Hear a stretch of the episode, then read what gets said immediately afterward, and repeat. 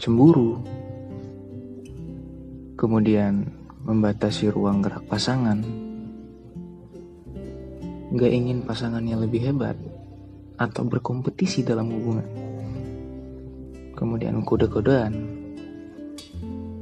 Coba deh kita ganti yang tadi yang menyalahkan menjadi mengkritik, kemudian yang tadinya cemburuan membuat sesuatu bersama lebih sering. Kemudian tidak membatasi ruang gerak pasangan Anda lagi. Dan jangan kode-kodean lagi deh.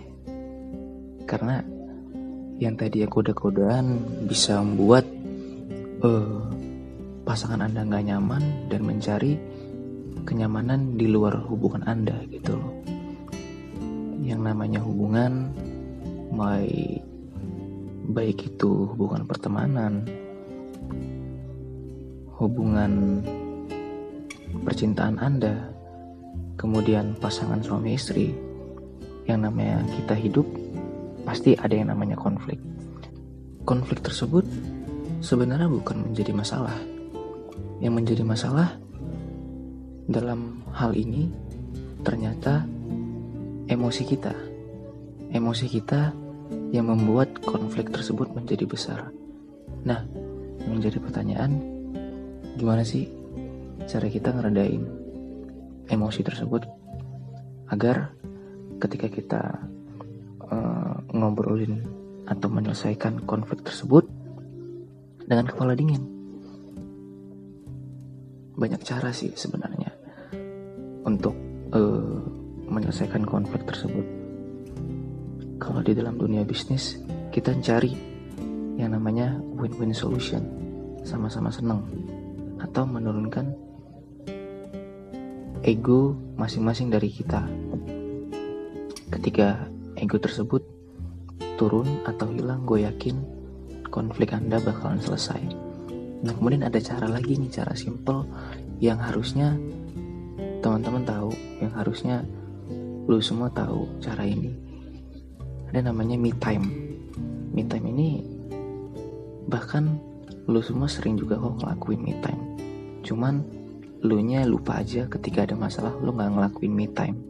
Coba deh lu ngelakuin hal-hal yang lu senengin. Contoh misalkan kayak lu uh, dengerin lagu yang lu senengin, lu nonton acara komedi yang lu senengin, lu gak masalah ketika ada konflik dan ketika emosi lu lagi memuncak lagi menggebu-gebu ketika emosi lu lagi berapi-api lu bilang aja sama pasangan lu. Lu bilang sama pasangan lu emosi gue lagi naik nih. Boleh nggak gue me time sebentar aja? Setelah itu kita bakal nyelesain masalah ini. Dan biasanya sih beberapa orang me time-nya berbeda-beda. Tapi kalau saran gue, jangan sampai lama-lama sih. Jangan sampai bermalam. Karena ada beberapa hal. Yang pertama, mungkin lo bisa lupa dengan masalah lo. Dan pasangan lo bakal nganggap lo gak profesional dalam menjalani hubungan tersebut. Atau kedua, emosi lo bakal naik lagi dan lo bakal ngelakuin hal tersebut dan itu bakal bahkan buat lo buang-buang banyak waktu gitu loh ya 5 sampai 10 menit. Gue gue kira cukup lah untuk nyelesain emosinya lo nah setelah emosi lo turun coba deh lo ngobrolin dengan pasangan lo apa sih konflik apa sih yang sebenarnya sedang terjadi gitu loh. Dan bahkan lo nyadar gitu loh. Lo semua nyadar ternyata masalah yang sedang lo alami dengan pasangan lo ini ternyata gak sebesar yang lo pikirkan. Dan konflik ini cuma bercerita tentang kebutuhan atau keinginan yang mungkin belum ada solusinya.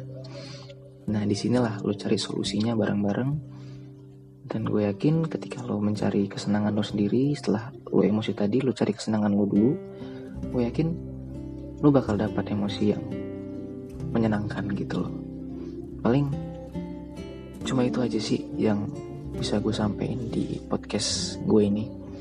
Mudah-mudahan lo bisa adem ayem dengan pasangan lo nggak ada konflik lagi. Ya namanya hidup ya pasti ada konflik lah. Cuman gue paling cuma ngasih tahu cara-cara simpel aja sih untuk ngerdain emosi itu seperti apa untuk nyelesain konflik itu seperti apa. Terima kasih udah dengerin audio podcast gue di episode kali ini. Gue pras cabut dulu terima kasih